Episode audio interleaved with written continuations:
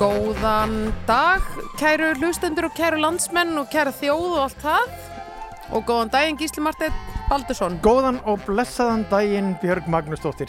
Hvað segir þú gott í dag? Veistu það, ég er, veistu það, Veist, La- nei, veistu það? Já, nei veistu það Gísli, landið er náttúrulega að rísa að svo mörguleiti.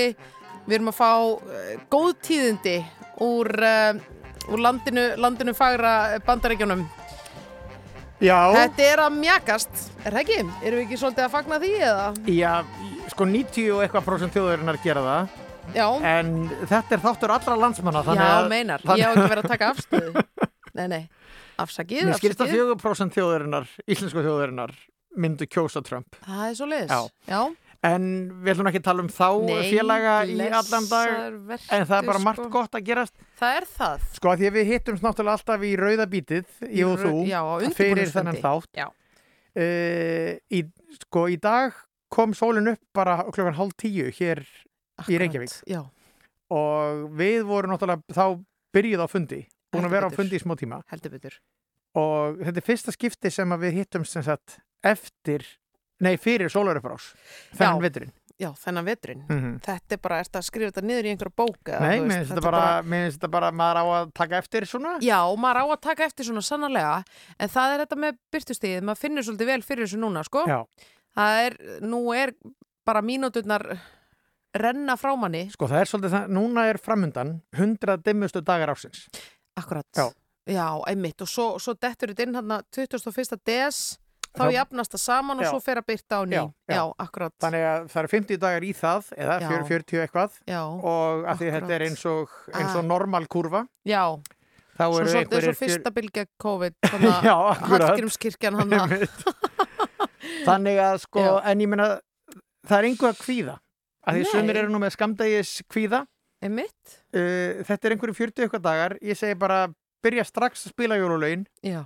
Svo við megum það ekki hér Nei, nei, við megum það ekki hér. það gerir bara kraftaverk Það gerir það og, og setur kærleika og yl í, í brjóst já, já, já, kveikja á kertum Kveikja á kertum. ný, fara og kaupa sér eina jólabók bara strax Já, algjörlega. bara snembúin jólagjöf Og sko ég hef verið að tala við fólk, nú hef ég verið að tala við fólk Já. og hérna, og fólk er, fólk ætlar að taka jólin mjög hátilega í ár það er það sem fólk með segir. öllu tilhærandi. fólk segir þetta. Fólk segir þetta, það er bara svoleiðis. Já, og varst að tala við fólk bara sem slembu úr takur þjóðskrá fólk, eh, Já, Já. bara svona, já, ég trúi þér mjög svona normal Já. dreift eftir kynjum og landslutum og svona. Auðvitað. En ég held að fólk sé sko það, það, það skreitingar verða teknar alvarlega í ár. já. Uh, jólaljósin, maður sér þau nú vera laumast upp hér og þar og maður sér tölur frá húsasmiðinu og svona. Það er, það er verið að móka út einhverjum jólaperum sko. Og svo er náttúrulega matur og drikkur gísli. Að sjálfsögðu er að sjálfsögðu Þetta er ekki tíminn til að vera í átaki gott fólk, ég ætla, bara, ég ætla bara að segja hérna, ég, ég, ég, þarna, þetta er líklega vesti tími í heimi til að vera í einhverju meinlæta lifnaði og einhverjum átökum hægri vinstri. Já, Ég þetta, ætla bara að segja það. ég er bara hjartanlega samanlegaður og eh, ef þið sjáu einhverja svona greinar í, á vefmiðlunum sem að ganga út á að viðhalda kúlurassinum Já. Bara ekki smetla á þær Nei, ég segi bara stans. bara Já. ekki smetla á þær bara gera vel við sig það er Akkurat. andlega hilsan sem við ætlum að rækta Andlega hilsan, næstu hundra dagana sjálfsástin, Já. já, náungakærleikurinn. Herðu, ég, já, ok, förum við það eftir fyrsta lag Fyrsta lag er með spilverkinu Já. Eh, Þetta er bara af fyrstu plötunni held ég sem var kom Já. út í svona kom út í svona brúnum pappa, gætna kvölduð brúna Já. platan Já, allt sungið á ensku, ég veit ekki hvort þau voru að hugsa um meikið eða hvað Ah. eftir það var þetta alltaf íslensku Já. en frábær plata, já, Lazy Daisy dundrum í gang.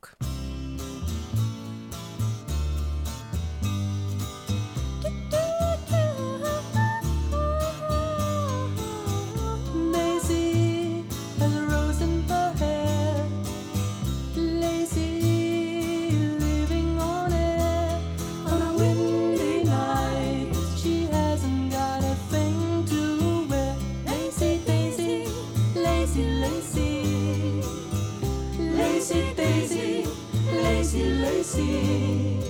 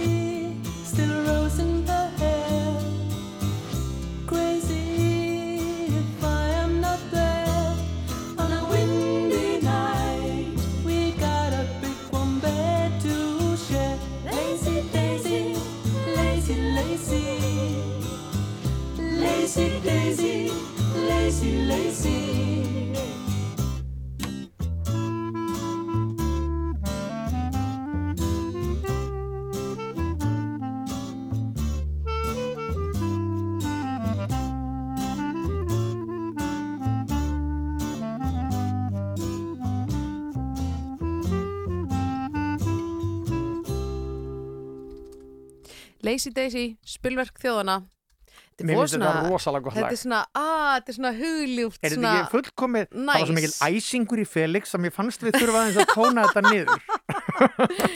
Þar er Felix rétt líst, maður æsinga Ó nei, hann, hann var á ljúfunótunum að þannig að við, þurftum Já. þetta millistikki hérna Já, á milli. að, já, við erum nefnilega, við erum svolítið æst í dag, sko, við erum svona, þú veist, við vorum svo spennt að koma í vinnuna því að, þú veist, maður er ekkert að hitta rosalega marga, sko. Ég er líka búið með Ég- tvo kortado, sko. Já, ég veit það, Ég ert lúðraði í með Og tveimur. Þú, situr ekki eins og þú ert ekki að sita neitt, þú bara stendur. fjórir espresso. Í, herðu, en, en hérna í mokkanum er viðtal við Irsu, fréttablaðinu er viðtal við Arnald. mm, Bæn. Bara risarnir tveir mættir. Það eru bara turnandi tveir En, þessum ég, en sko ég sá bara dagblöðum. einhverja grein í Guardian eða eitthvað Mm. þar sem að, nei, í hérna í Times, uh, Lundunablaðinu Times Já, mynd af Ragnari Jónasinni já, uh, sem er líka glæpasagna höfundur uh, og fyrirsögnin er þetta besti glæpasagna höfundur heims Hættu Þannig? Já, þannig að það er ekki hægt að tala um turnana tvo lengur vá sko. Já. Það er, það er þriði maðurinn er komin inn í Já, jöfnuna já, og svo er hérna Lilja Sigurðardóttir líka Já, öflug og, Já, og alveg Katrín Júliusdóttir Nákvæmlega a new player has entered the game Nákvæmlega, ég, ég var einmitt að segja, vorum einmitt að segja á leiðinni, sko, Katrín Júliusdóttir, við þekkjum hana þetta fyrst úr íslenskri pólitík, þarna samfélkingin, Mhm. hún var ekki varaformaður og var á þingi og ráðherra og Ég alls man eftir konar. hún úr háskólapólitíkinni Já, þú, þú fer svo langt og aftur. hún var, hún var Öflug, einn af var það ekki? aðal eh, ein af aðal sprautunum í rösku Já, auðvitað, Já, auðvitað. Uh, en svo, svo finnst manni hún sko, svo hérna, hvað segir maður, góði að endur nýja sig. emitt Hún eins og þú veist það er, að pólitíkus er alltaf hvart eitthvað svona, já það vill enginn ráða fyrir hundi pólitíkus á í vinnu. Já. Það er bara, Kata Júl er bara búin að afsanna það. Já, Hún fyrir fyr, hérna í MBA-námið og, og starfar hérna hjá einhverjum samtökum. já, Svo er núna bara glæpasagnu höfundur. Fekk verðlaun fyrir það og við ætlum þetta að við höfum, höfum undanfarna þætti og munum gera Jú. það bara fram að jólum Já. taka svona örstuðt símaviðtöl við einn höfund í hverju þætti Já, veljum nákvæmlega. höfunda sem að við höfum einhvers konar dálæti á eða Já. erum spennt fyrir Og af Af því ekki nógu er nú komast allir taka. að. Nei, nei, það komast færri að en vilja. komast færi að þeim Það er vilja nú bara eins og í lífinu þannig að við ætlum að slá á þráðun til Katrínar Júliusdóttur á eftir Já, nákvæmlega. sem að er sem að er ekki kannski alveg komin á stallin sem að Arnaldur og Yrsa eru á hérna á forsýðum blaðana en já, já. það kæmi mér ekki óvart Nei, að hún myndi enda þar nákvæmlega. Sko, má ég segja eitt mynda viðtal við Arnald? Já. Af Því ég nefnilega var, ég nefnilega var, ég sé það sko núna að ég var nefnilega akkurat að hlaupa þar sem var verið að taka myndin á honum. Ertu sérst í þig í bakgrunni? Nei, nei, nei, nei, nei, nei, en mér fannst bara svo ógeðslega gaman að sjá hann. Er þetta ekki tekið hérna á ægisíðun hérna, úti við hafið? Jú, er þetta, Já, þarna bara? nefnilega, já, ég sá hann nefnilega þar. Ég, ég fekk svona, ég fekk svona, ég var svona svolítið starstruck. Í alvöru? Já, Skemmtilegt. já, ég nefnilega, maður sér hann ekki ofta á förnum vegi, Bjóstu sko. við að þeir, þú myndir hlaupa fram á eitthvað lík og ég, já, má næstu komin í eitthvað svona gýr, bara hvað er líkið og eitthvað svona. En hérna, já, virkilega gaman að þessu og uh, en, gísli minn, nú ætlum við að halda áfram. Uh, það er náttúrulega, já, við ætlum að vera hérna með góða ljúfa tóna, sko. Uh, og, og hvað gerir maður, hvað gerir maður þá þegar, þegar maður er að velta fyrir sig góðum lögum í, í þá áttina? Jú, maður uh, leitar til KK. Uh, þetta lag, næsta lag er að plötunni Svona eru menn sem kemur úr 2008 æðisleg plata Ok, hann er þarna svona gullt cover og hann er með svona kíki út á bátið mitt og hér ætlum við að spila lag sem heitir Kærleikur og tími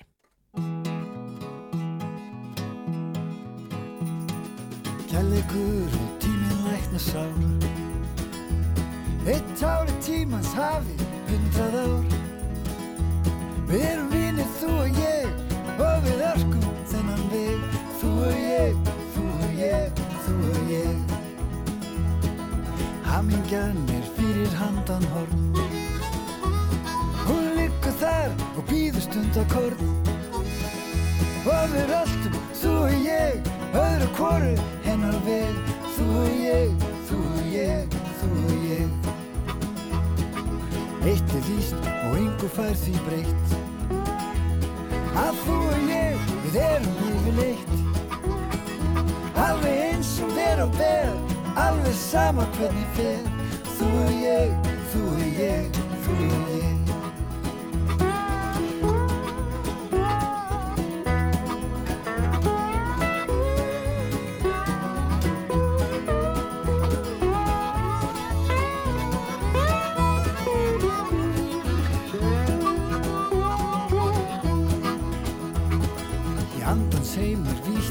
Veggjum hátt. Og sátt á dyrum lokið upp á gátt Týndu sögðir, týnast heim Teknir opnum höndum tveim. Hönd í hönd, saman við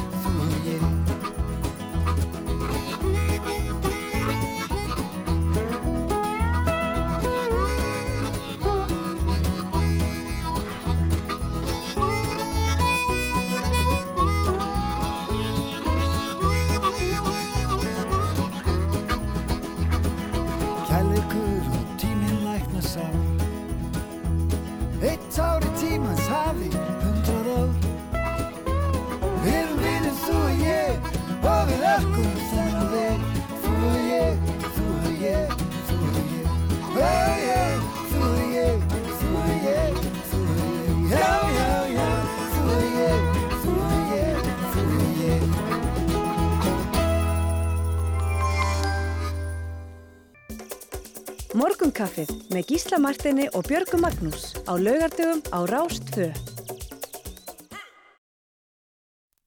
Jæja, Gísli minn, áframhæltu við, Já, er það ekki? Er það ekki alveg kjörið? það er algjörlega kjörið. Já. Um, sko, ertu búin að renni gegnum blöðin í dag? Já, bara svona með algjörlega öðru augu og annari hendi. Það er nefnilega svo sko, eins og ég elska svona blöð sem koma út Já, í pappirsformi sammála. e, auðvitað þá úr vottuðum skógum og svona mjög mikilvægt Mhm. það er endar núna einhver heimildamind sem ég veit ekki hvort það er á Netflix eða einhver staðar sem fjallar um að að, að því að skóar sem allir, allir sem taka sér alvarlega bókaútgefundur og blaðútgefundur þeir, þeir kaupa blöð sem eru Já. unn úr trjám í skógum sem eru vottaðir Akkurat, sem því er fyrir hvert tré sem er felt þá Já. er tveimur plantað nákvæmlega. og, og það er bara sjálfbærni og gott en þetta er dýrara þannig að það er mjög mikil svona ránirkja í gangi hvað varðar tré og bara meiri háttar glæpastarfsemi. Já, og það er einhver heimildamind býtum við hvort hún var á Riff ok. núna Reykjavík eða hún var allavega einhver staðar hérna í sýningum um daginn. Þá, þá las ég um þetta en, en og Ok, ætla að sjá áhugavert. myndina en er ekki búin að sjá hana. Já, en fjallar um sem sagt, umfangsmikla glæpastarfsemi í kringum tré. Alfyrir. já, í alvöru What? Allavega, Heyrðu, en, en ég- sagt, en eins og ég sko- elska þessi blöð þá Já. eru þau núna Mm.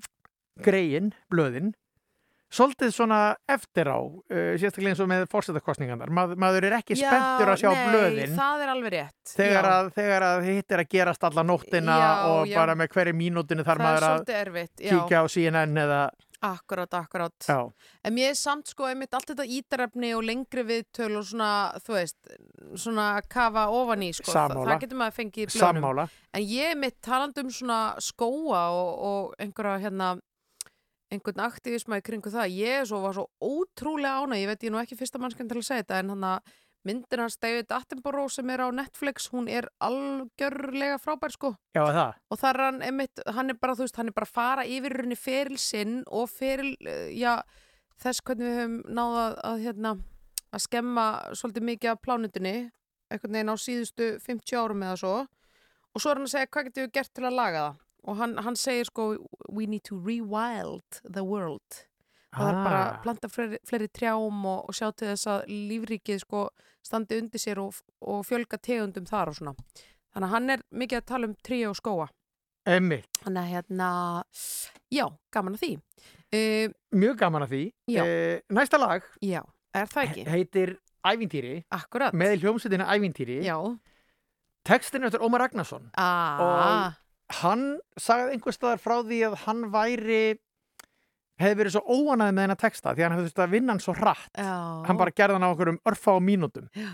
en uh, kannski út af því eða þrátt fyrir það þá var þetta lag alveg feikilega vinsæl já, Mér fannst svo skemmtilegt að þú kannast kannski fyrst og fremst við það úr myndinni Stella í Orlofi. Já, þegar hún er hann í eldu í fyrstu senunni Já, og er svona eitthvað að gera mjólkuglös og dansa með eitthvað svona geggja lag Já. sko en þetta er, hérna, Ómar sagði sko þetta lag hefði Mhm. einhvern veginn orðið einhver merki um kynnslóðaskipti í íslenskri ah. dagvöldtónlist.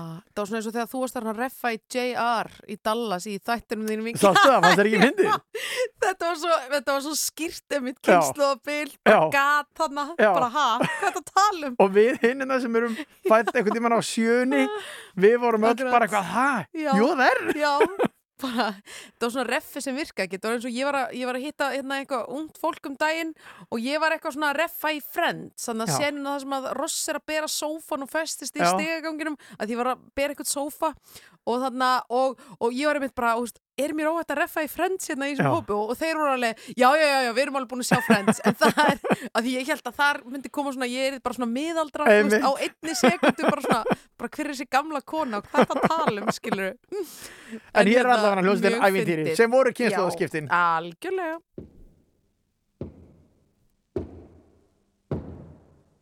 Ma, ma, ma, má ég koma inn fyrir? Bless! Það er alltaf læg að haga veinsinn eins og maður.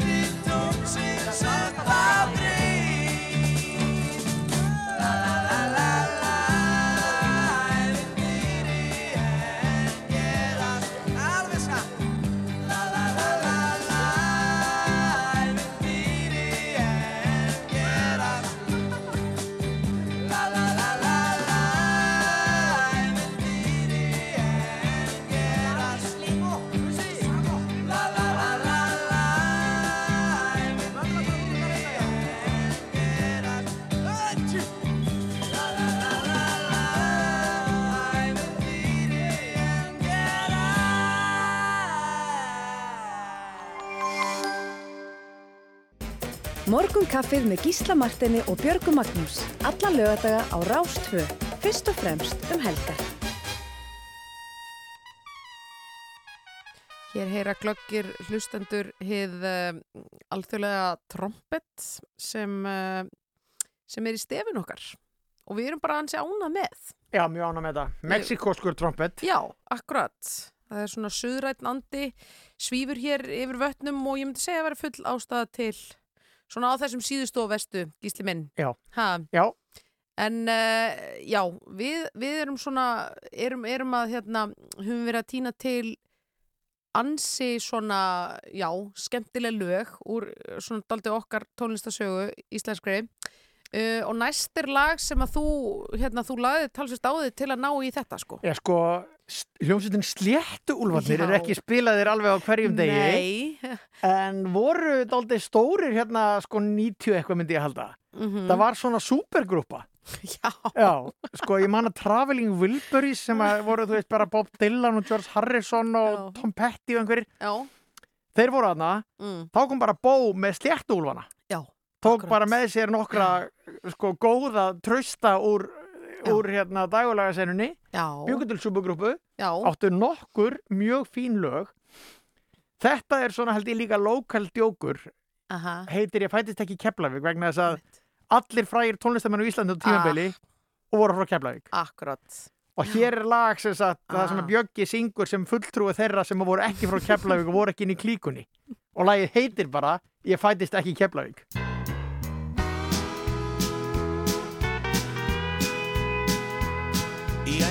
það vissi að yrði ég frægur og það er væri draumar rugg En strákur úr flóanum sem stormar í bæin er við stórlega skrítin fugg Og bara áttan við að brjóta leið var bara engu lík.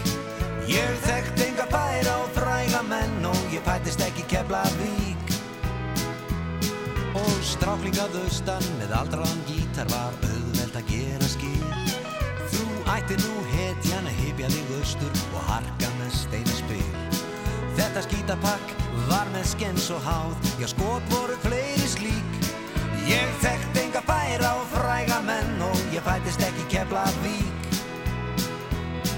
Við reyktum ekkert skrítið fyrir austan og kunnum ekki neitt á ellest ég. En tökum stundum saman eins og ekkert sé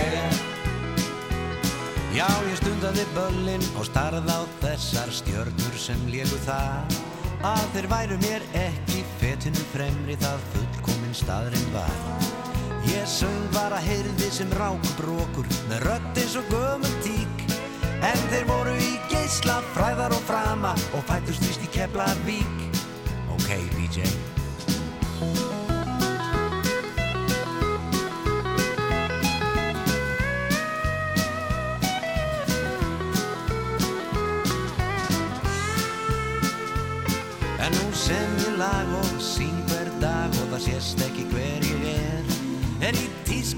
Tísku nú bara talin góður fólk talar um stíl hjá mér. Það fór eins og fyrir ég vissi að fræðin er engu lík og menn eru farnir að halda það hér að ég hafi fæst í Keflavík. Já Í esku ég það vissi að yrði ég frægur og það er væri draumarugl En strákur úr flóanum sem stormar í bæin er við stórlega skrítinu fugl Og bara áttan við að brjóta leið var bara engu lík. Ég þekkt enga færa og fræga menn og ég fættist ei Fættist ei Upp í sveit. Upp í sveit. Já, mér synga þekki ei frá Indjánum og ekki er ég úr flóanum.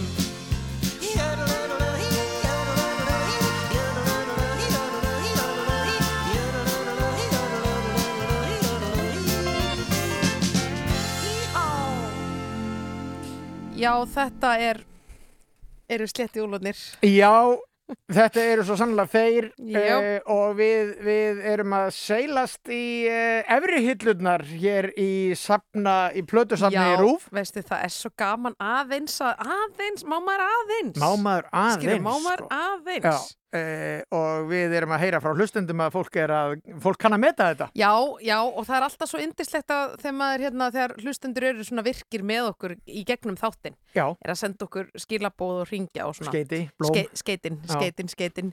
Herðu, Skeitin inn. Sko, hérna, já, nákvæmlega. Næsta lag, sko, er, er of snemt að tala um Mojito. 1036, nei, Alls ekki, nei. Alls Ég held nefnilega ekki. Sko, ég hugsa að sumir eru á þessum tímapunkti þó svo allt jams er lokað Já, þá eru sumir að fá sér síðasta móhítóin já þú meinar. Þú veist, að, já, já. er það ekki? Ég, ég meina, ég meina. Ha, ekki myndum að gera aðtöðsöndu við það? Já, maður myndi nú kannski gera það, jú. Er það? Já, ok.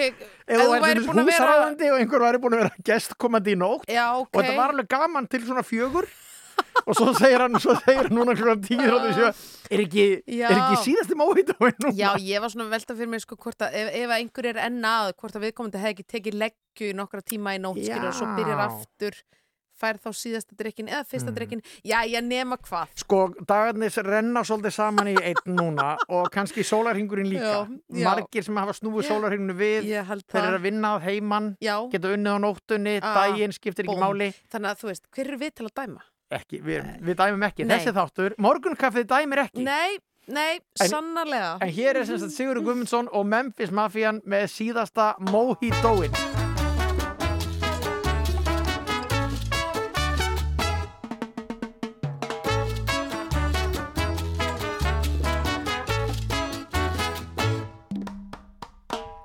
Ef þú blandar mér eitt mojito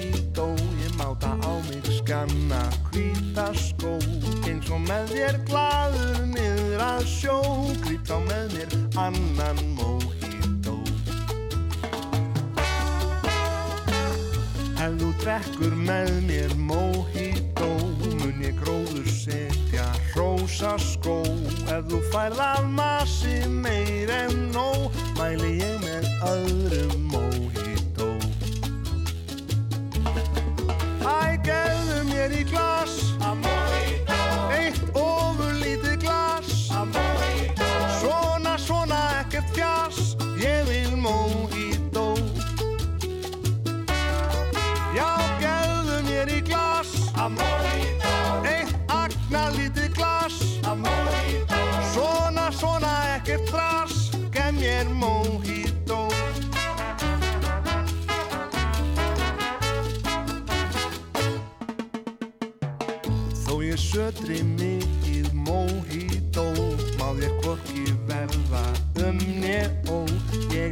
Og meinlaust moskító Meðan ég fæ nóg af mojito. En ef mér skildi skorta mojito Skelf ég allur svitna niður á þjó. Ég mun sjálfsagt enga finna fró Fyrir en ég fæ nýjan mojito glas. Af mojito Vel úti látið glas. Af mojito Svona, svona, ekkert fjas Gef mér mojito. Já, fælðu mér nú fat. Af mojito Eitt heljarinnar fat. Af mojito Svona kona ekkert pat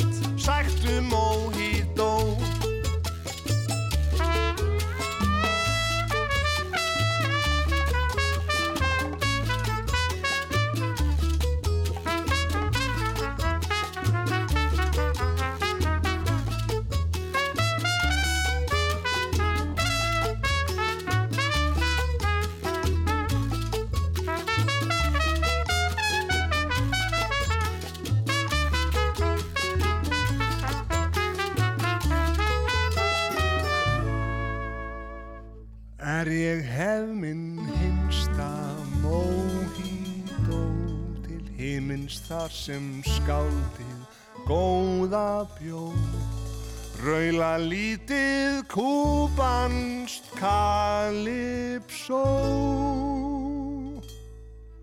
Og kannski fæ mér eitt mojito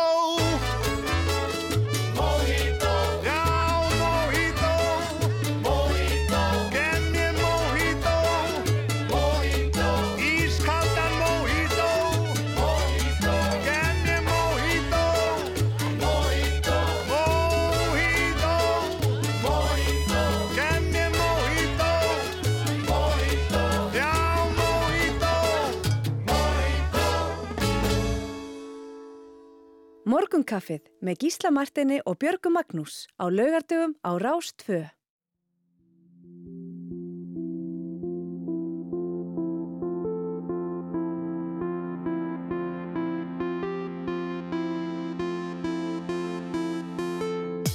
Náðu í teppi og náðu svo í kotta. Náðu svo í bánsa til að hjálpa þér að sofna. Og ef þú sullar sjáðu til þess að þotna En það er samt allt í lagi í teppa virkinu okkar. Það er gott það í við að stoppa. Þú hoppar út um allt eru kottar Engi skór bara sokkar. Sjónvarpið í myrkri, gerum teppa virki Ég hef gert þetta ofta leit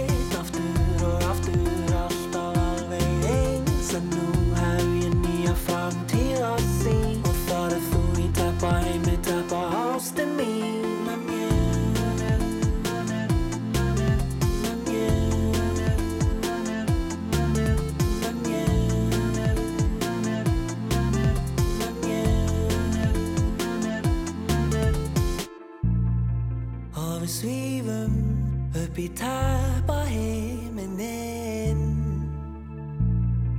Og við hlæjum því að þú er svo fyndin Kottarnir og lakið, gólfið og þakið Dýna fyrir bakið.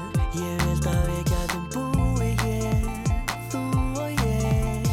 Vonum að það virki, gerum teppa virki Ég hef gert þetta ofta leit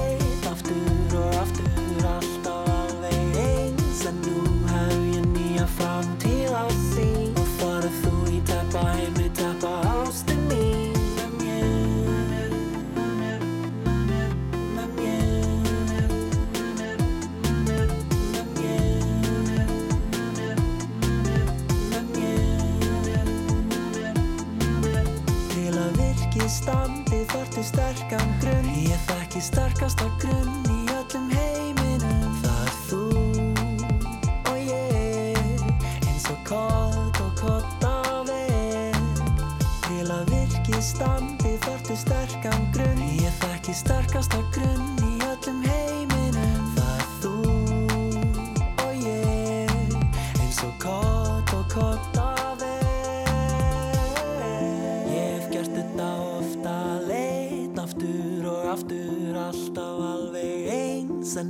hef ég nýja framtíð að sín og þar er þú í teppa heimi teppa ástin mín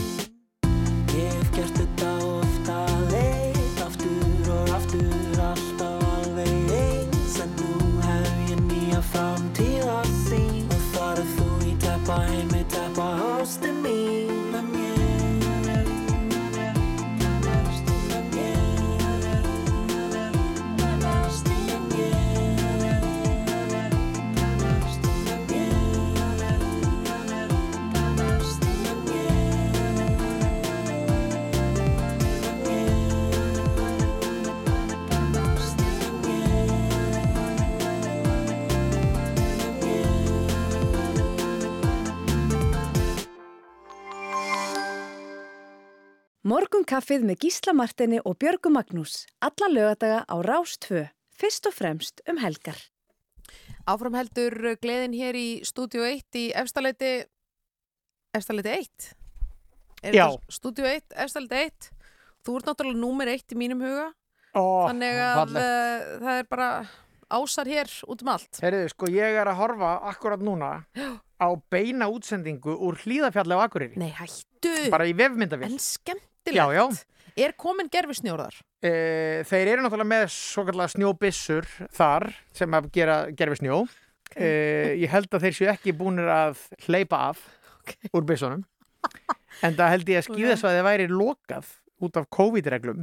Meinar, En þegar að því líkur, akkurat sem er eftir einhverja kannski 2-3 vikur, Já, já, akkurat þá held ég nú að það verði stuð í hlýðafelli. Það er ekki, sko, það er ekki komið, samkvæmt þessum vefmyndavélum, er engan veginn komið skíðafæri ennþá. Nei, en ég var nú samt með það voru tvær vinkurum mínar hérna, eh, dæturna Tómas dætur, Þóra og Kristín Já. þær fóru, já, upp á sitt eigið einstæmi á einhvers, einhvers konar skíðasvæði bara núna um Í daginn bláfyllum, Já, sá það. akkurat Já, og það Þannig er öruglega, það meina það er snjór á hálendinu og til fjalla einhver staðar. já, já, Nema þessir vefmyndavélar hérna á Mhm. hlýðafjalli.is, nema Mhm. þetta sé sem sagt ekki beinútsending, heldur einhvers konar eh, eftir á, eftir á skýring. en það að Eftiráskýring. minnstakosti er, eh, það er ekki, það lítur ekki út eins og gott skíðafæri. nei, nákvæmlega En við erum samt komin inn á þessa árstíð Þetta er þessi skýðavertíð, ég meina veturinn er hér, já. við erum í miðjum vetri, já. en við erum svona kannski, já, snem, snembúin vetur sko, já. þannig að nú erum við að, að svona, já, við erum að, að hýta okkur aðeins upp fyrir þessa vertíð sem framöndan er. Og hver önnur en Helena Eyjólfsdóttir er konan til þess að syngja okkur inn í þessa engin. dásamlegu skýðavertíð sem framöndan er? Svarið er engin, engin önnur en Helena Eyjólfsdóttir.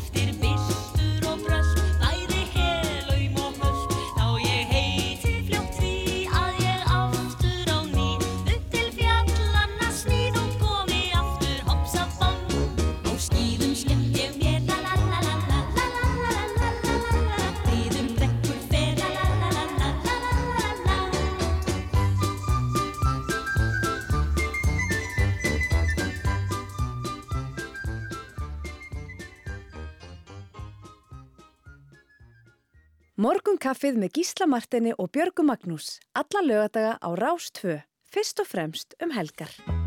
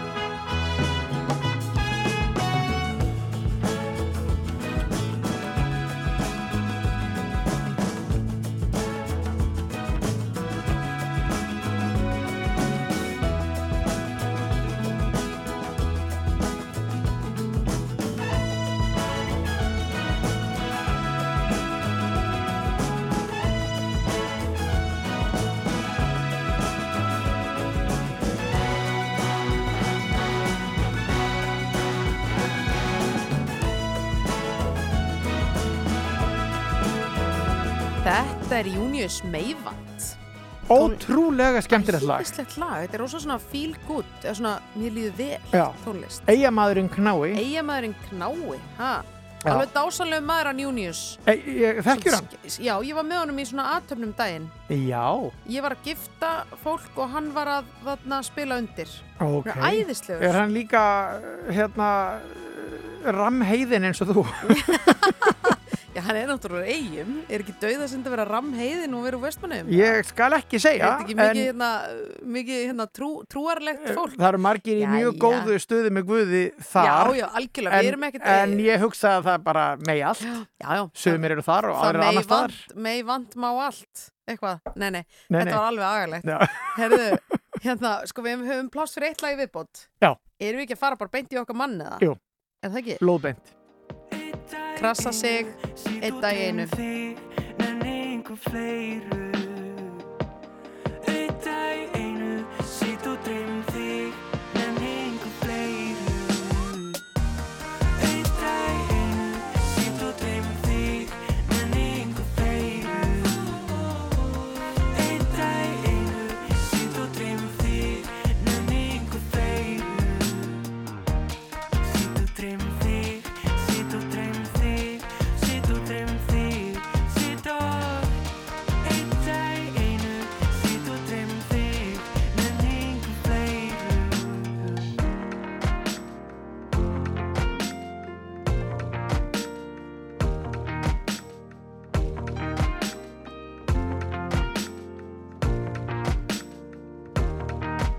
Missa sig Passa sig líka Passa sig líka Snýstum jafnvægi Aldrei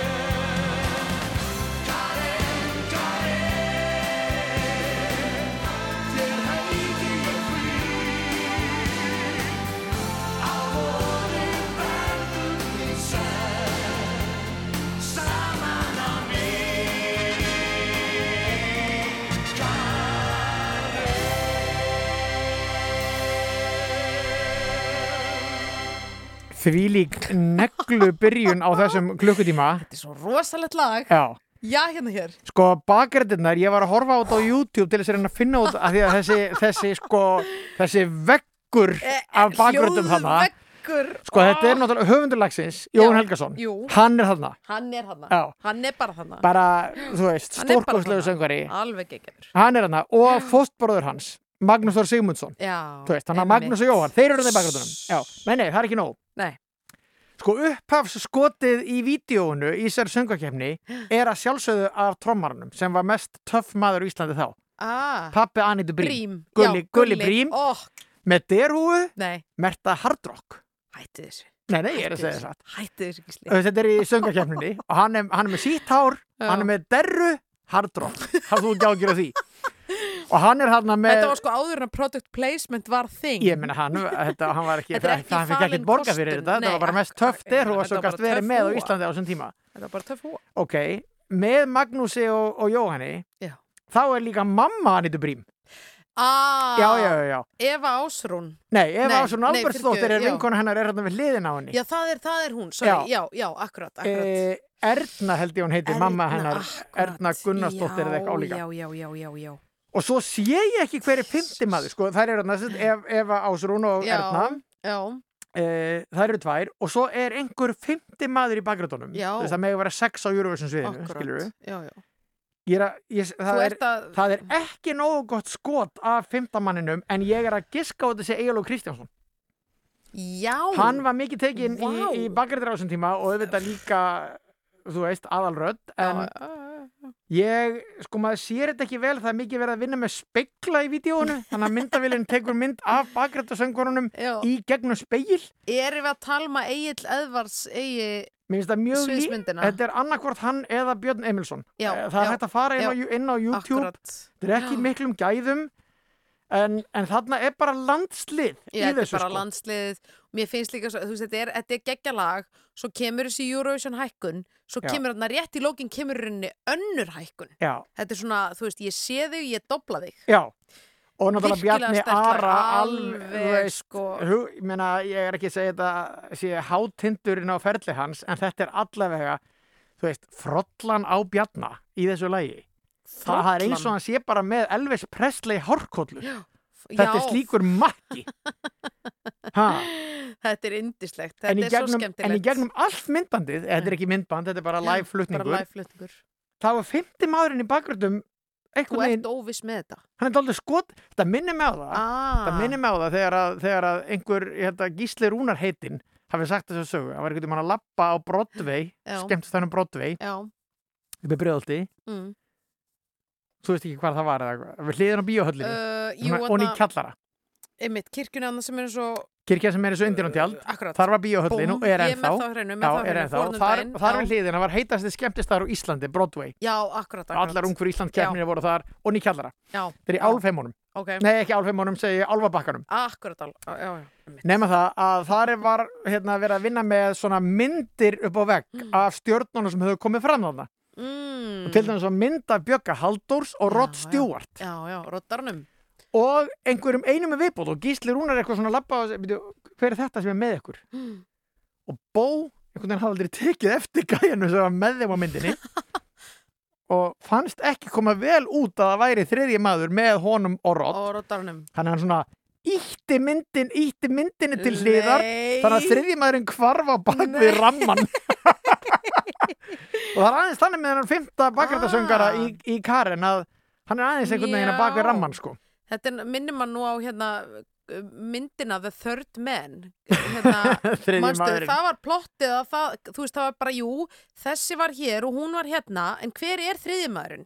Þetta er hérna þekkt, þekkt uh, leikrit eða mynd eftir Graham Greene Jú, jú. frábæran hérna handritsönd Þú gerist þetta ekki í Vínarborg? Vínarborg, heldur betur Ég hef jú. lesið bókina nýja séð myndina þannig ég er alveg út á þekju Já, nei, ég bara, ég, þarna, ég las þetta handrit og þetta er skemmtilegt af því að það heitir The Third Man og það er rauninni gegnum gangandi spurning, bara byrju, hver er þriðmaðurinn sem var vitnað þessu morði, skilur við? Þannig að, og það vissi það enginn, það var allir allir með þannig sjónarhortna að hann fór fram hjá öllum. Að var er- útvarstáttur hér á Rúf sem hétt Já, Þriðjímaðurinn Þriðmaðurinn. Já, þar sem voru tveir umsjónamenn eins og við erum tvö Já. og svo var viðtal Ah, við var- þriðjamannin Skemmtilegt. það voru Ingólu Margjersson heitinn og Átni Þóruninsson sem Já, voru með já, já, já. þennan þátt Sómamenn, Talandi um þriðjamannin, við Mhm. eigum von á þriðjamanni hér í þennan þátt sem er. Katrín Júliusdóttir Nákvæmlega. uh, fyrverandi fjármálráðara Já. núverandi glæpasagnahöfundur sem er slá á þráðin til hennar Já. Eh, ég er að reyna að fá númer hjá henni hérna bara uh, í þessum töluð orðum. Já, já. en það verður að- komið eftir næsta lag. Hafð þú gjákjör því, sko, ég var í Reykjavík í gær eins og margir, uh, ég, ég sá, ég sá hvíta jörð, fyrsta skipti á árinu, Já, eða sko, fyrsta skipti á haustönninni, já, vetrarönninni. Og að því tilöfni að því við erum náttúrulega ekki alls ekki komin í jólalögin hér á Rástvöðum, Nei. við megum spila vetrarlög. já, rétt Þá gröfum við nú upp eitt gamalt og gott með stuðmunum. Fun, fun, fun.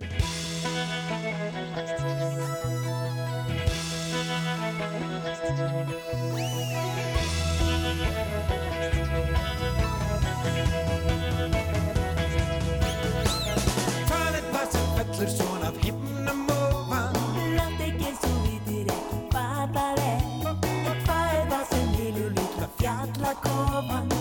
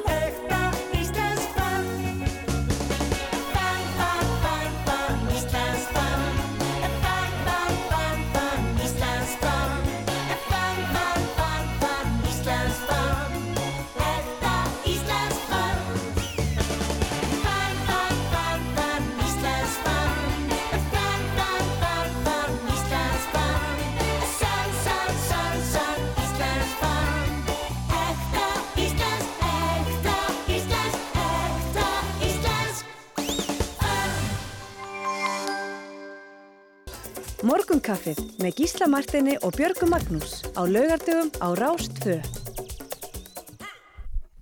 Hau, Uh, nú er það þannig, kæru hlustendur, að við erum komin með þriðja mannin, öllu höldur konuna, á línuna nema tæknin stríði nei, okkur. veistu, Það- tæknistjórin í dag er, hann er allskáður og hérna aldrei svo vant. Allskáður og akandi eins og segir í læginu. Já, uh, að sjálfsögðu er þetta grín. Já, sjálfsögðu. Við erum aldrei að drekka í loftinu. Aldrei, aldrei Ég í ekki nema vinnunni. að sé svart kaffi. Uh, á línunni er uh, nýjasti glæpasagna höfundur þjóðarinnar sem jafnframt var einu svona fjármálráþara þjóðarinnar og yðnaðaráþara og eitthvað fleira. Katrín Júliusdóttir, ertu þarna? Já, ég er hérna Hæ, gaman að heyri þér. sömu leiðir. Hvaða, hvaða ráþara embættum gengdur? Er þetta rétt hjá mér með fjármála og yðnaðar? Jú, ég var þeirra lengst af, sko. Já, Og svo var ég þeirra í held ég 8 mánuði. svoleiðis. einmitt. Já. Og svo bara ákvaðstu að segja þetta gott og skipta um gýr. Er þetta eitthvað sem, að er, sem þú mælir með í lífinu að taka svona, taka svona daldið, hérna, hvað við segja, bara sterk, já, sterka hérna, framgöngu í einu máli í daldin tíma og svo algjöru uppeyju eitthvað allt annað. Já, veitu, ég hef gert þetta nokkur sinnum. Já. Ég hef gert þetta líka áður en ég fór á ting. Það var ég, sko, í vestlunarekstri tíma, fór svo í tölvubransan, Emmi, fór svo þaðin á ting já, Ok. og þannig að ég, þetta er svolítið svona bara saga lífsmís. Ah, þú, svona, þú, þú fílar uh, endurnýjunina.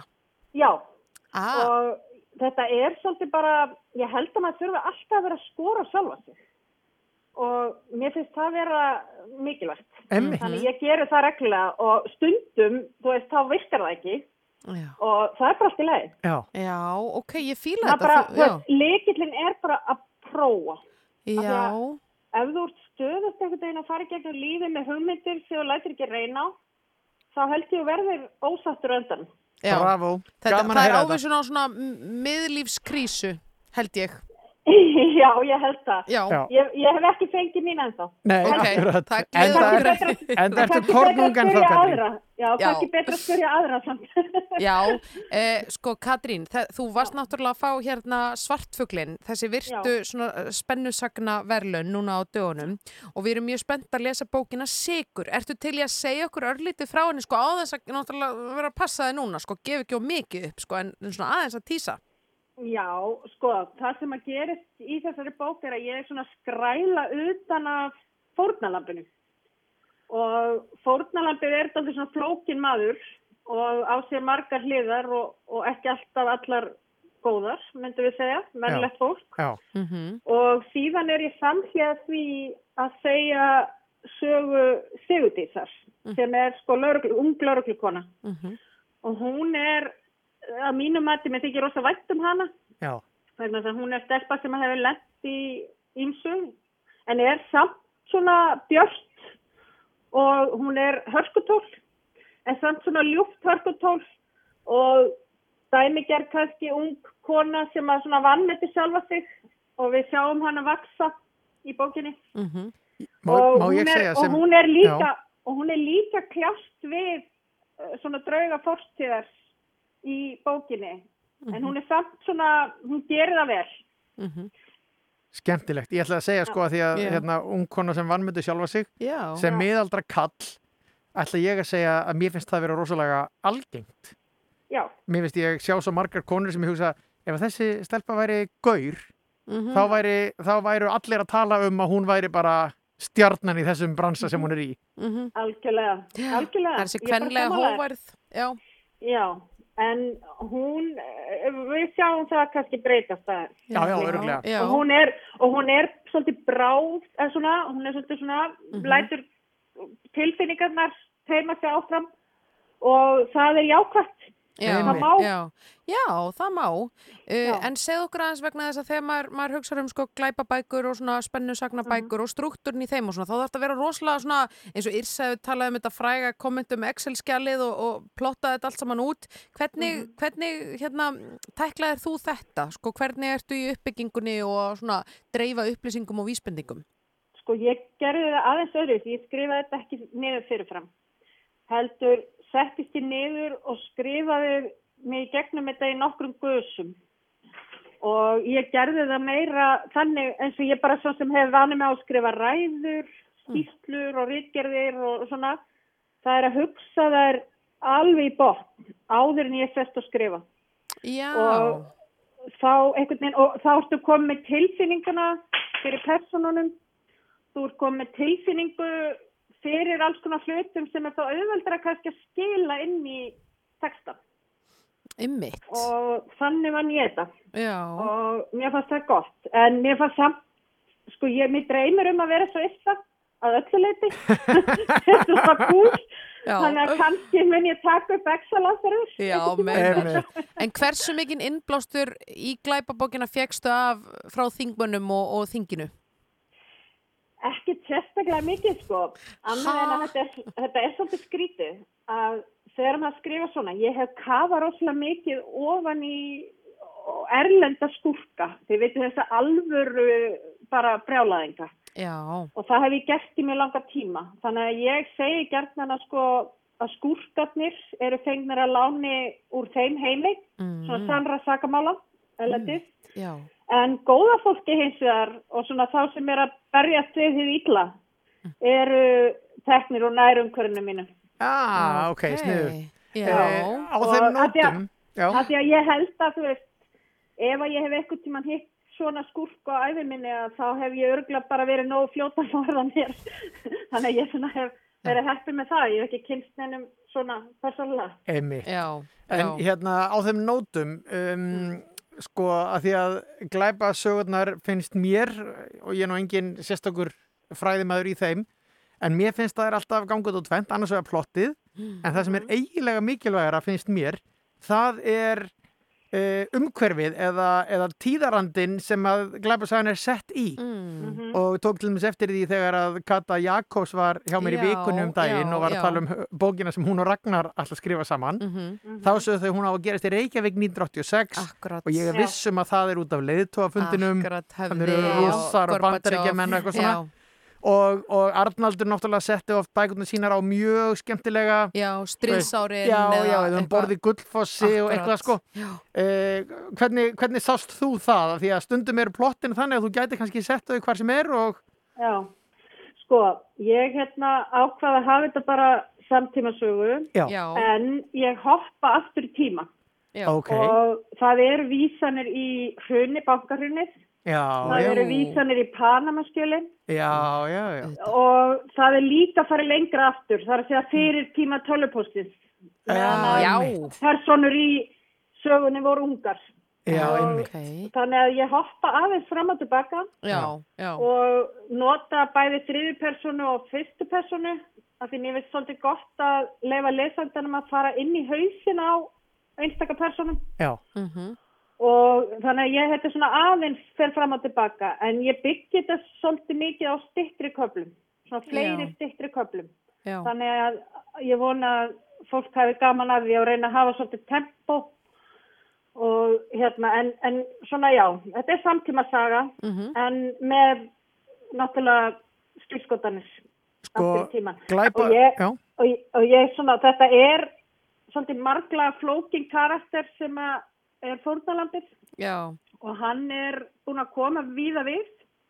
Og Ok. meðal annars og þegar hann er myrtur þá er hann einmitt starfsmæður sérfræðingur í fjármálaráðuniti ok ok, Þannig að það er ekkert mál að setja að drepa fyrirverðið samstarfsmennin þína en allir, hafa gaman að því Já, þetta Já. er svolítið svona eftir því muni hérna eftir henni Jessica Fletcher Já, að maður vildi helst ekki bjóða henni matabóð sko. akkurat.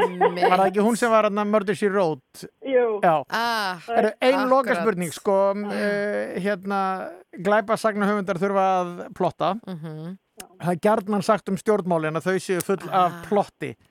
Uh, spurningin sem allir munu spyrja því í öllum viðtölum er eitthvað, var, var uh, er þetta eitthvað svipað að skrifa, skrifa glæpasögu eins og að þurfa að endast í pólitík? nei, ekki sjálfur sér vegna þess að þú ert bara í fantasíu og Já. í bókinni og þá getur þú bara hannað allt eins og þú vilt sko en í raunveruleikanum er það þannig í pólitík að þú sest ekki niður og hannar atbrúðás.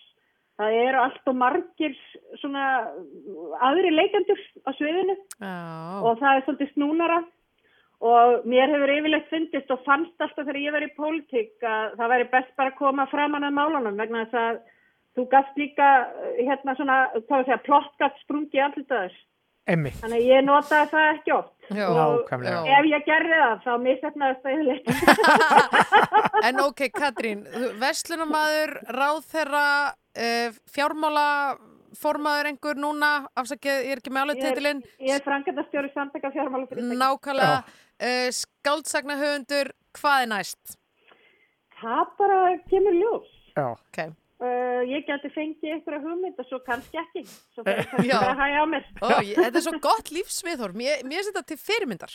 Æ, veistu Nú- það, maður maður á eitt rönn í þessu lífi. og maður á bara að hafa svolítið gaman. Auðvitað. Og, og fylgja gildunum sínum og bara njóta. Þú veist, ekki vera að stressa sig á einhverjum hugmyndum annara um þig eða hvað þetta er allt saman. Bravo, Þetta er eins og Katrín. góður sálfræðitími að ræða við hana, Katrínu. Takk fyrir að svara símanum og Já. njóttu helgarinnar. Og til Takk hamingju með innilega. sigur. Og til hamingju með sykur. Við hlökkum mikið til að lesa. Ást og þakkir. Vertu blessu. Já. Æði, Bye. bæ. Já, gaman að þessu gísli árið í ár er 2020. Hjá því verður ekki komist, hræðilegt ár og allt það. Uh, eins og, já, fræðumst að þessum lagauðar og Valdimars.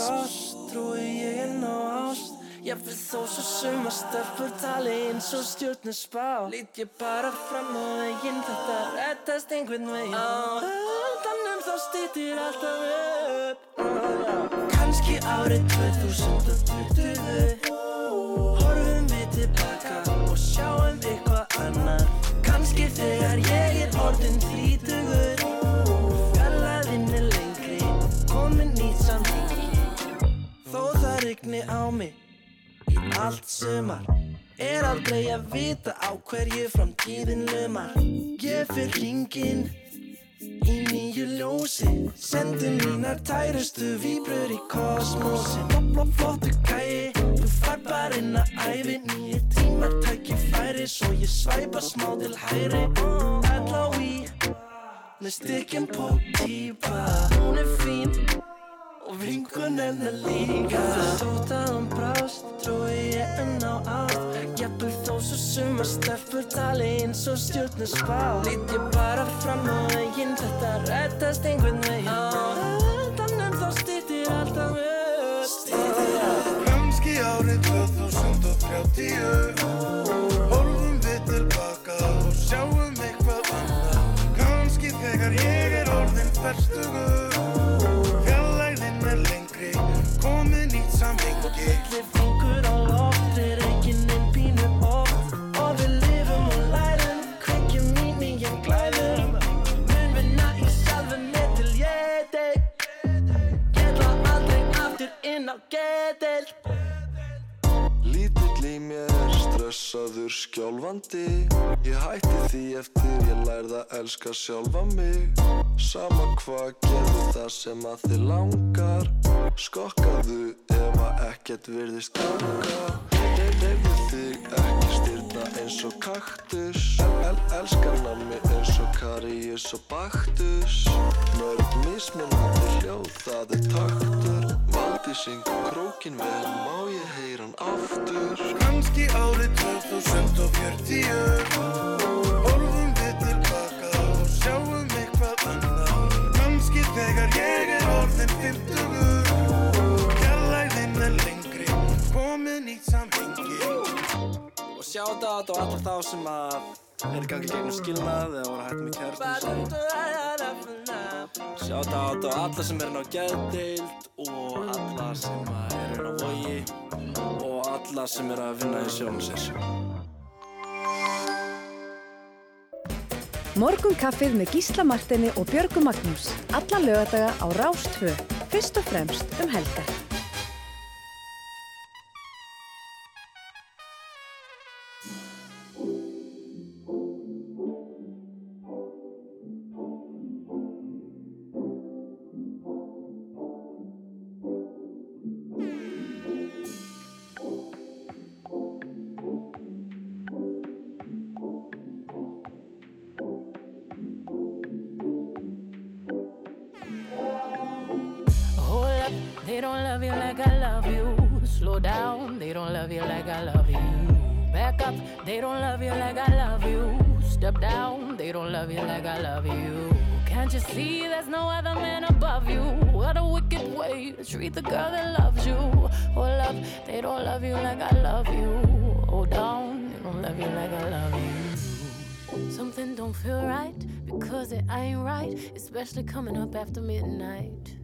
I smell your secrets, and I'm not too perfect to ever feel this worthless. How did it come down to this? Scrolling through your call list. I don't wanna lose my pride, but I'ma me up. A- know that I kept it sexy, and know I kept it fun. There's something that I'm missing, maybe my head for one. What's worst, looking jealous or crazy? Jealous or crazy? Or like being walked all over lately, walked all over lately. I'd rather be crazy. Hold up, they don't love you like I love you. Slow down, they don't love you like I love you. Back up, they don't love you like I love you. Step down, they don't love you like I love you. Can't you see there's no other man above you? What a wicked way to treat the girl that loves you. Hold up, they don't love you like I love you. Slow down, they don't love you like I love you. Let's imagine for a moment that you never made a name for yourself, a master wealth. They had you labeled as a king. Never made it out the cage, still out there moving in them streets. Never had the baddest woman in the game up in your sheets. Would they be down to ride now? They used to hide from you, lie to you. But y'all know we were made for each other, so I find you and hold you down. Missing, say, hold up, they don't love you like I love you.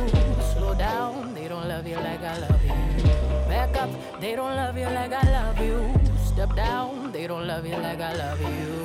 Can't you see there's no other man above you? What a wicked way to treat the girl that loves you. Hold up, they don't love you like I love you. Slow down, they don't love you like I love you. It's such a shame you let this good love go to waste. I always keep the top tier, five star, sexy loving in the car, like make that wood, like make that wood, holly like a boulevard. What's worse, looking jealous or crazy, jealous and crazy. Or like being walked all over lately, walked all over lately. I'd rather be crazy. Hold up, they don't love you like I love you. Slow down, they don't love you like I love you. Back up, they don't love you like I love you. Step down, they don't love you like I love you. Can't you see there's no other man above you? What a wicked way to treat the girl that loves you. Oh, love, they don't love you like I love you.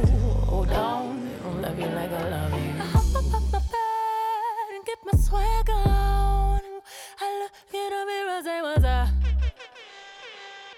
What's up, what's up? I hop up, up my bed and get my swag on. I look in the mirror, say, What's up? What's up, what's up, what's up? Beyoncé Knowles uh, Hold Up af plötunni Lemonade hún er úr uh, hún er frá Texas fylki bandarækjana eitt af uh, eldrauðum fylgjum nýlegra kostninga Það var að vísu eitthvað svona smá von Biden megin að, að ná vegna þess að sko borgirnar í Texas mm. sem eru alltaf að stækka Já, þær eru eiginlega allar Biden.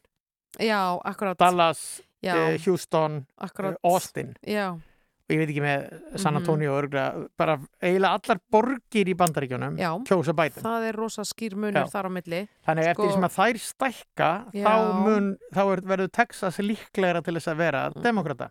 Sko ég er að skoða þetta hérna á New York Times Trump er að taka 52,2 í Texas 52,2% og Biden er með 46,3 og þetta er Sterk enns að vera að segja New York Times með breskum hreim. Já, ég veit að ég, ég, já, em, takk fyrir að vekja aðtökla á því. Eh, en ég, sko, það er eiginlega mín síða, sko. Ég er búin að vera að, að endur hlaða hana eins og óð manneska síðustu Já, daga. já. og þetta er bara ennþá í þessu 253 214 Biden í vil. En þetta er nú, þetta er að merjast hjá honum uh, Biden. uh, en við erum ekkert að taka henni afstöðu hér, við erum bara svona að upplýsa fyrir Já. ykkur sem eruð ekki með internetið og ég vonandi eruð bara ekkert fyrir framann internetið, vonandi eruð bara að drekka gott kaffi, að borða góðan brönns og að lifa og njóta eins og skáldið sagði uh, næst ætlum við í Reykjavíku skáld Já. það er nútíma Reykjavíku skáld sem er alin upp á Malbyggi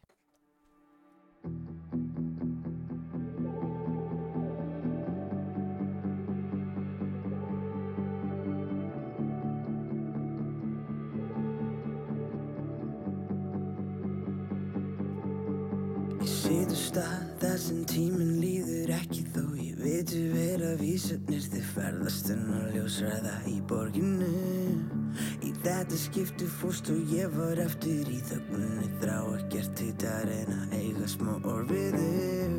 Ég veit að ég var heimskur, svo ótrúlega heimskur. Veit að ég var fíbl og veit að ég á allt skilið Er grasi græna hinum megin Hvað veit ég um fokkin gróður Ég er alinn upp á malbyggi Ég hleyp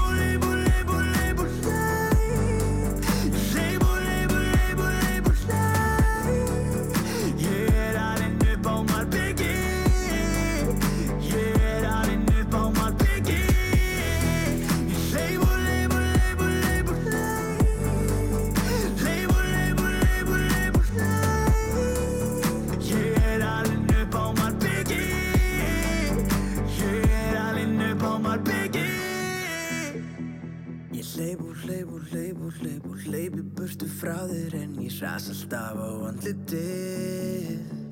Er ég reyður út í sjálfum, er ég reyður út í þið því ég er titrand eins og fars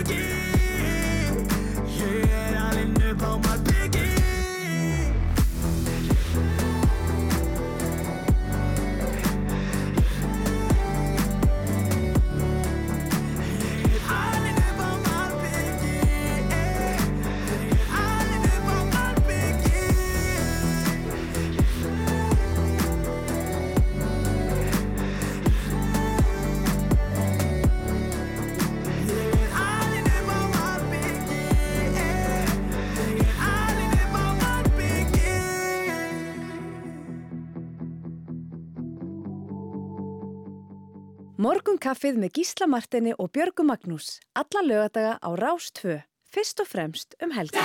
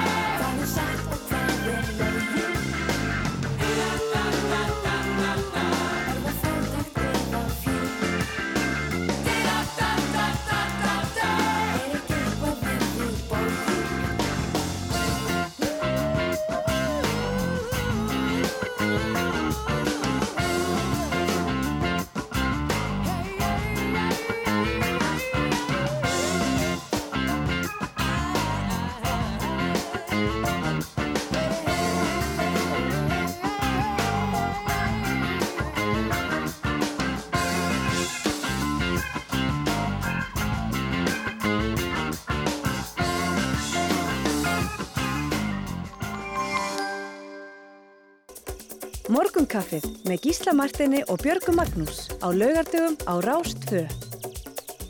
Ég man það svo vel.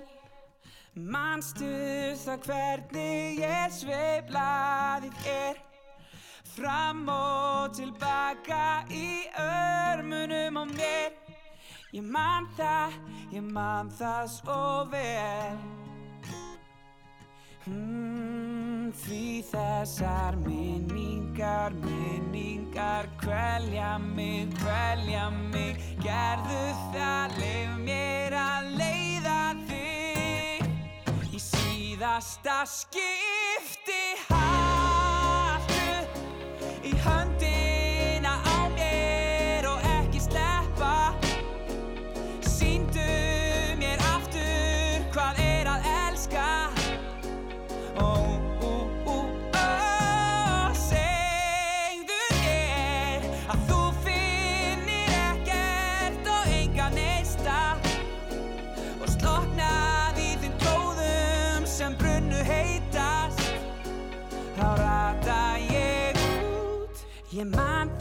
svo vel. Manstu það hvernig þú söngst alltaf með? Hver einasta bílferð sem tónleikar með þér. Ég man það, ég man það svo vel. Mm, já, þessar minningar, minningar Kvelja mig,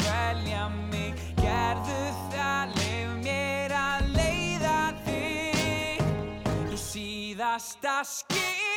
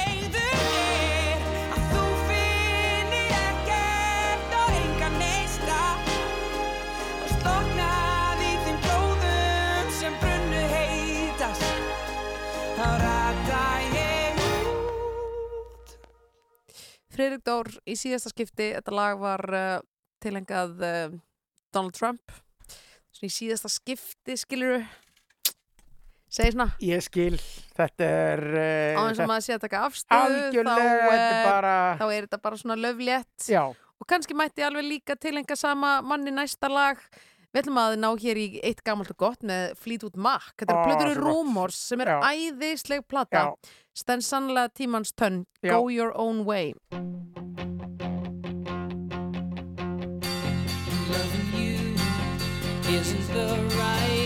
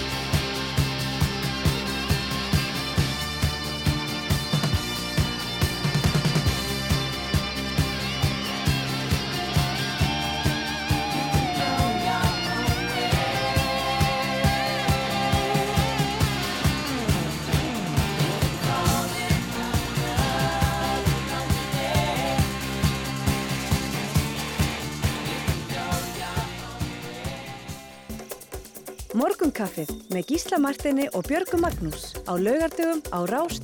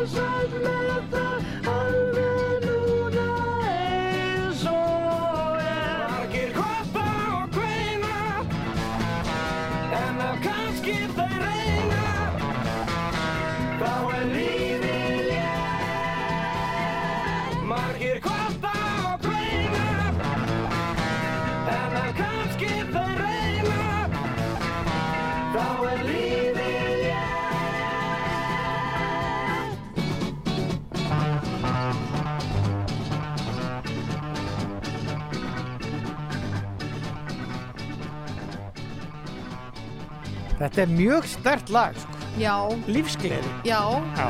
lífsgleði bara. Bara mjög margir kappa og kveina. Já, ömmit. Þeir, uh, hljómar voru mikið í því að peppa menn upp, að vera, Já. vera ekki með þetta kvart og kvapp. Voru þeir ekki líka með hamingulagið? Já, Rúni. Já, Rúni, Já, já, já. já, Já, já. akkurat, já, þetta er svona, já, já. Eru Sami tími. smá svona hippa stemning í þeim bara Já. hva- ástin og gleðin skilur ekki Já. vera að ágjöra sem efnislegu hlutum Nákvæmlega. Katrín Júliusdóttir sem við rættum við hér áðan, hún var líka með svona bóðskap alveg á þessum nótum og neðvitað er þetta málið. Ha? sérstaklega núna Að vera rétt, rétt að koma jól stilt, uss, uss, er ekki bara tími til þess að fara að föndra jólgjáðinu núna Jú, ég meina Mm. þetta, þetta ef, ef einhver tíman var sko nöðsinn að pæla í því allir, þá Já. er náttúrulega núna hefur maður aðeins aukinn tíma. Já. Heimagerða jólagjafir, heimagerði kransar, Já. Uh, veitingarnar maður ekki má gleyma þeim og svo framvegis. muna líka að borða mikið nammi uh, og bara gera vel við sig Já, og gera vel við fólki í kringu sig. við erum ekki og- að hlusta á þessar rattir sem er að reyna að láta maður fá samfélskupið fyrir út af öllu Nei, Nei. Hvað, hvað er það? köpið sér jólabjór, Já. köpið sér nammi Algjörlega.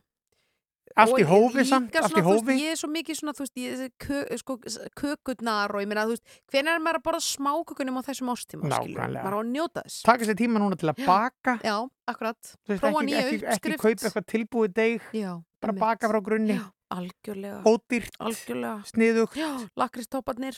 átta sortir Kókósin, kókósin. já. Já, getur ekki klikkað.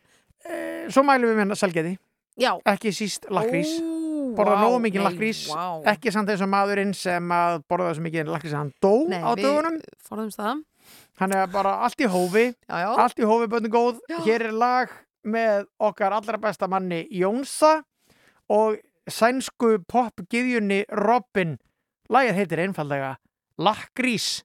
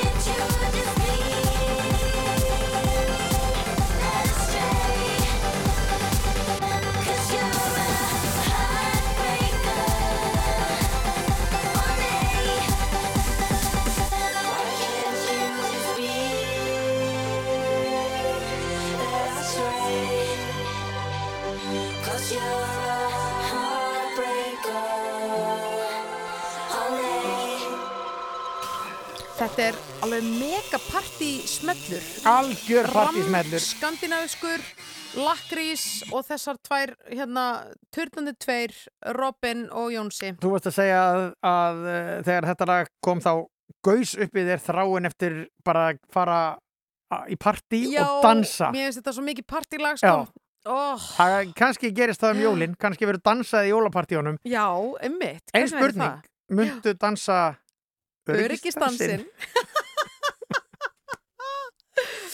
Öryggistansinn, veistu það ekki Ísli, ég veit ekki hvort ég mun dansa hann, en núna erum við að fara neglunum í gang.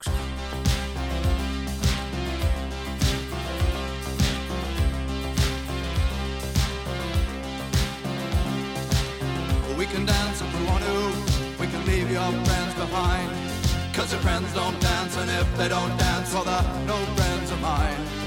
See, we can go where we want to, place where they will never find. And we can act like we come from out of this world, leave the real one far behind. We can dance.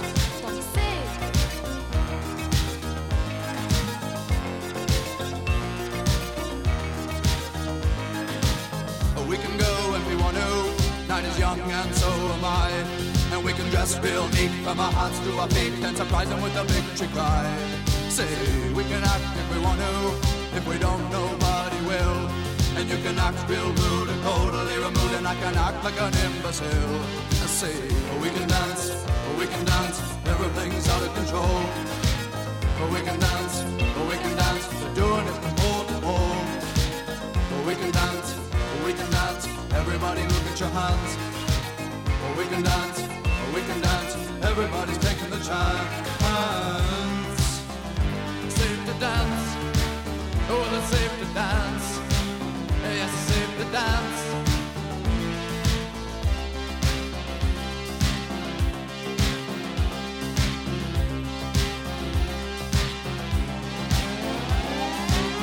We can dance if we want to.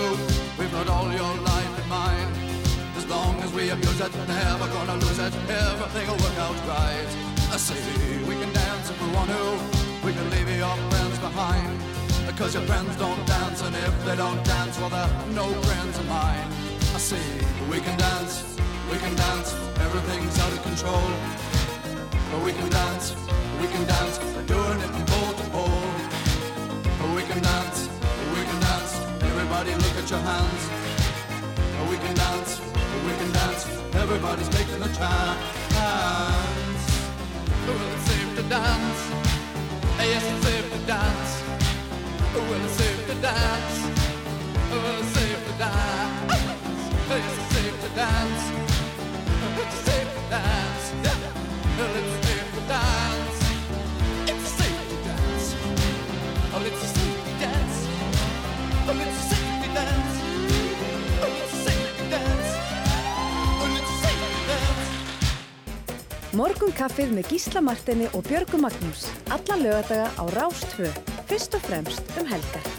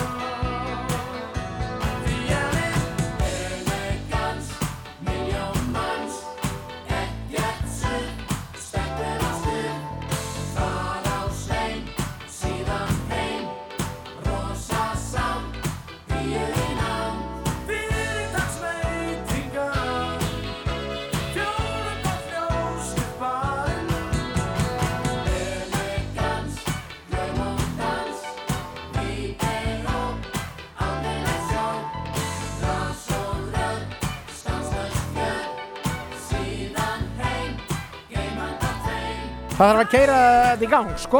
Heldur betur, Eh, Fólk á að ferðast innan hús þessa helgina, Jú, segir jú. þríeikið. Við tökum það sjálfsögðu Og alvarlega. það þýðir ekki að menn þurfa að vera með eitthvað leiðindi.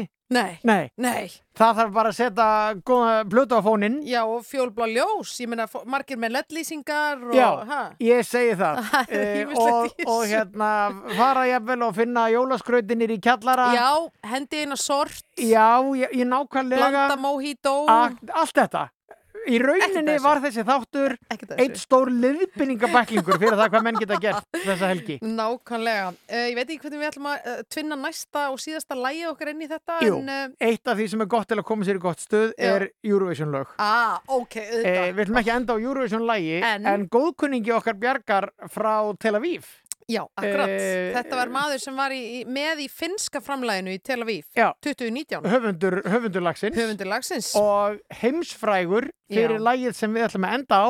Það er ekkert sungið í þessu lægi en þetta er grjóthart og mjög mikið stuðu lag. lauma Njótið nú, vel og e, hafið það gott um helgina og farið varlega og verið góð hvert við annað. Já, þetta við er þökkum- Darúte. Við þökkum hlustundu bara kærlega fyrir. Mjög svo. Fyr- Fyrir ekki, ég ætla ekki að grípa fram í. Nei, þú gerir það ekki. Nei, nákvæmlega bara hérna, gaman að vera með ykkur og eins og Gísli segir þar úti geggjað, Já. geggjað Takk fyrir okkur í dag, verið þið sæl